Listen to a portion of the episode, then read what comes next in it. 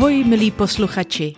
Vítej v desáté epizodě našeho podcastu Setkání s nadpřirozeným lékařem. Minulý víkend jsme měli Velikonoce. O Velikonocích jsou dva dny velmi důležité. Velký pátek a první svátek velikonoční. Na Velký pátek si připomínáme Ježíšovu smrt na kříži a v neděli, první svátek velikonoční, si připomínáme Ježíšovo skříšení. Ježíšovo skříšení z mrtvých.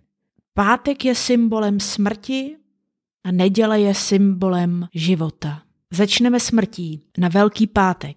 Na Velký pátek se stalo to, co před 2500 lety předpověděl prorok Izajáš.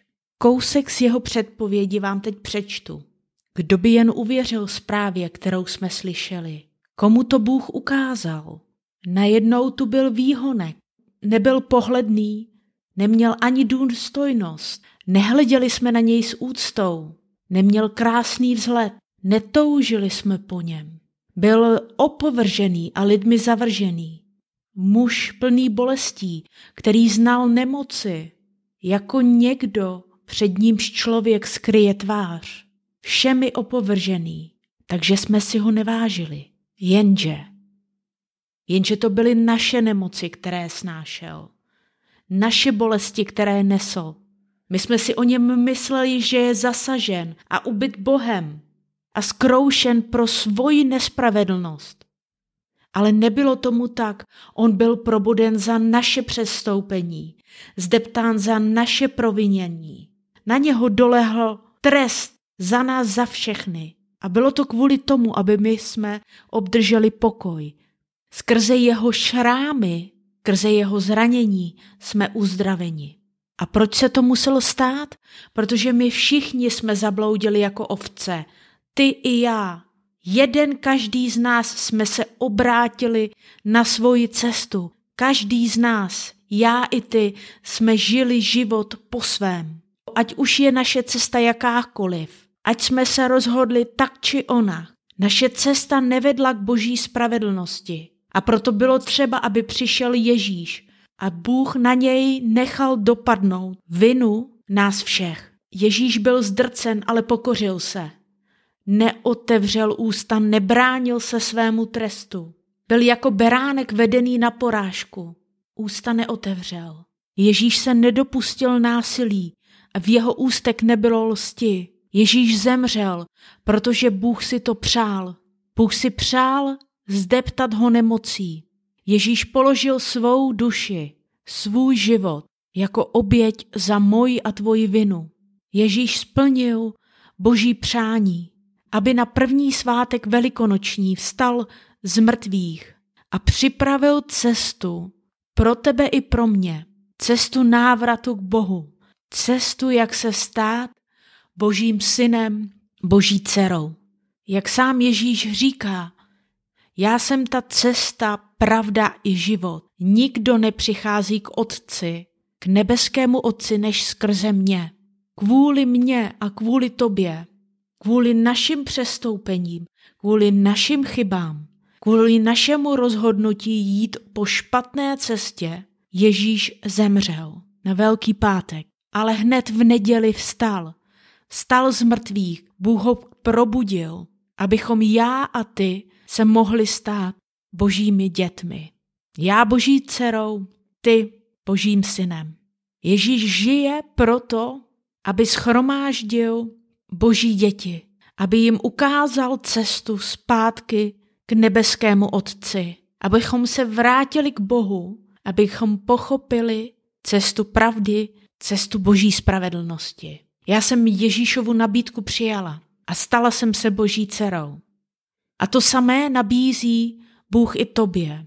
Dnes je ten den, kdy se můžeš stát božím synem nebo boží dcerou. Ježíš na Velikonoce otevřel cestu k Bohu.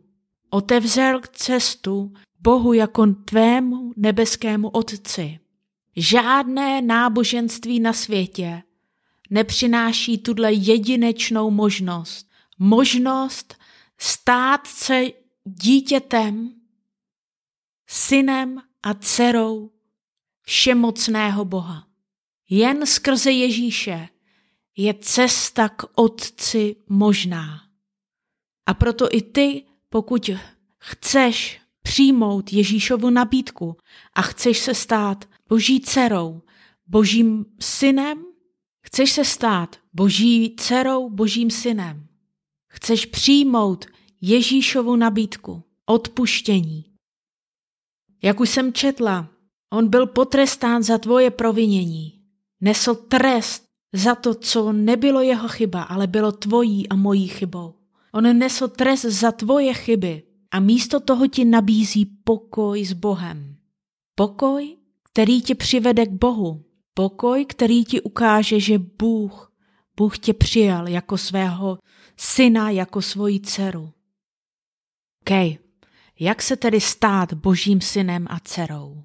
Víme, že Ježíš žije a v tuto chvíli mluví i k tobě. Ježíš v tuto chvíli volá tobě a čeká, že přijmeš jeho nabídku, jeho nabídku odpuštění, jeho nabídku záchrany, jeho nabídku stát se božím dítětem, jeho nabídku stát se božím synem, jeho nabídku stát se boží dcerou. Je na tobě, jestli ji přijmeš. Já spoléhám na Boha a vím, že Bůh v tobě v tuto chvíli mluví. Bůh tobě v tuto chvíli mluví a nabízí ti odpuštění. Odpuštění toho, že jsi ho neznal, že jsi se mu spronevěřil tím, že jsi šel svojí vlastní cestou. Odpuštění za to, že jsi ho nehledal, odpuštění za to, že jsi nešel po cestě spravedlnosti. Teď je to na tobě. Zavolej k Ježíši, zavolej k Bohu a popros ho, ať ti odpustí. Přiznej mu věci, které se staly ve tvém životě, které byly důsledkem špatné volby, špatné volby života bez Boha, tvého rozhodnutí žít bez Boha. Požádej Ježíše o odpuštění a pochopíš, že za tebe zemřel. Že zemřel za tvoje hříchy provinění, že zemřel za tvoje nemoci a že zemřel za tvoje bolesti. Zavolej k němu, požádej ho o odpuštění a Bůh je věrný a odpustí ti. A v tu chvíli, kdy ti odpustí, se staneš jeho synem, se staneš jeho dcerou. V tu chvíli, kdy ti odpustí, pochopíš, že Ježíš žije a má moc a autoritu, má i sílu tě vést cestou spravedlnosti. Ne té tvojí, ale té jeho té, které potřebuješ. A na cestě spravedlnosti, boží spravedlnosti, budeš prožívat boží pokoj. Je to na tobě. Nepromeškej příležitost stát se dnes božím dítětem. Nepromeškej příležitost nabídnout Bohu odpuštění za své hříchy a vyzvednout si u něj boží pokoj. Pokoj, který pro tebe bude jistotou toho, že jsi se stal právě dnes Božím synem. Že jsi se právě dnes stala Boží dcerou. Bůh ti žehnej a ahoj příště.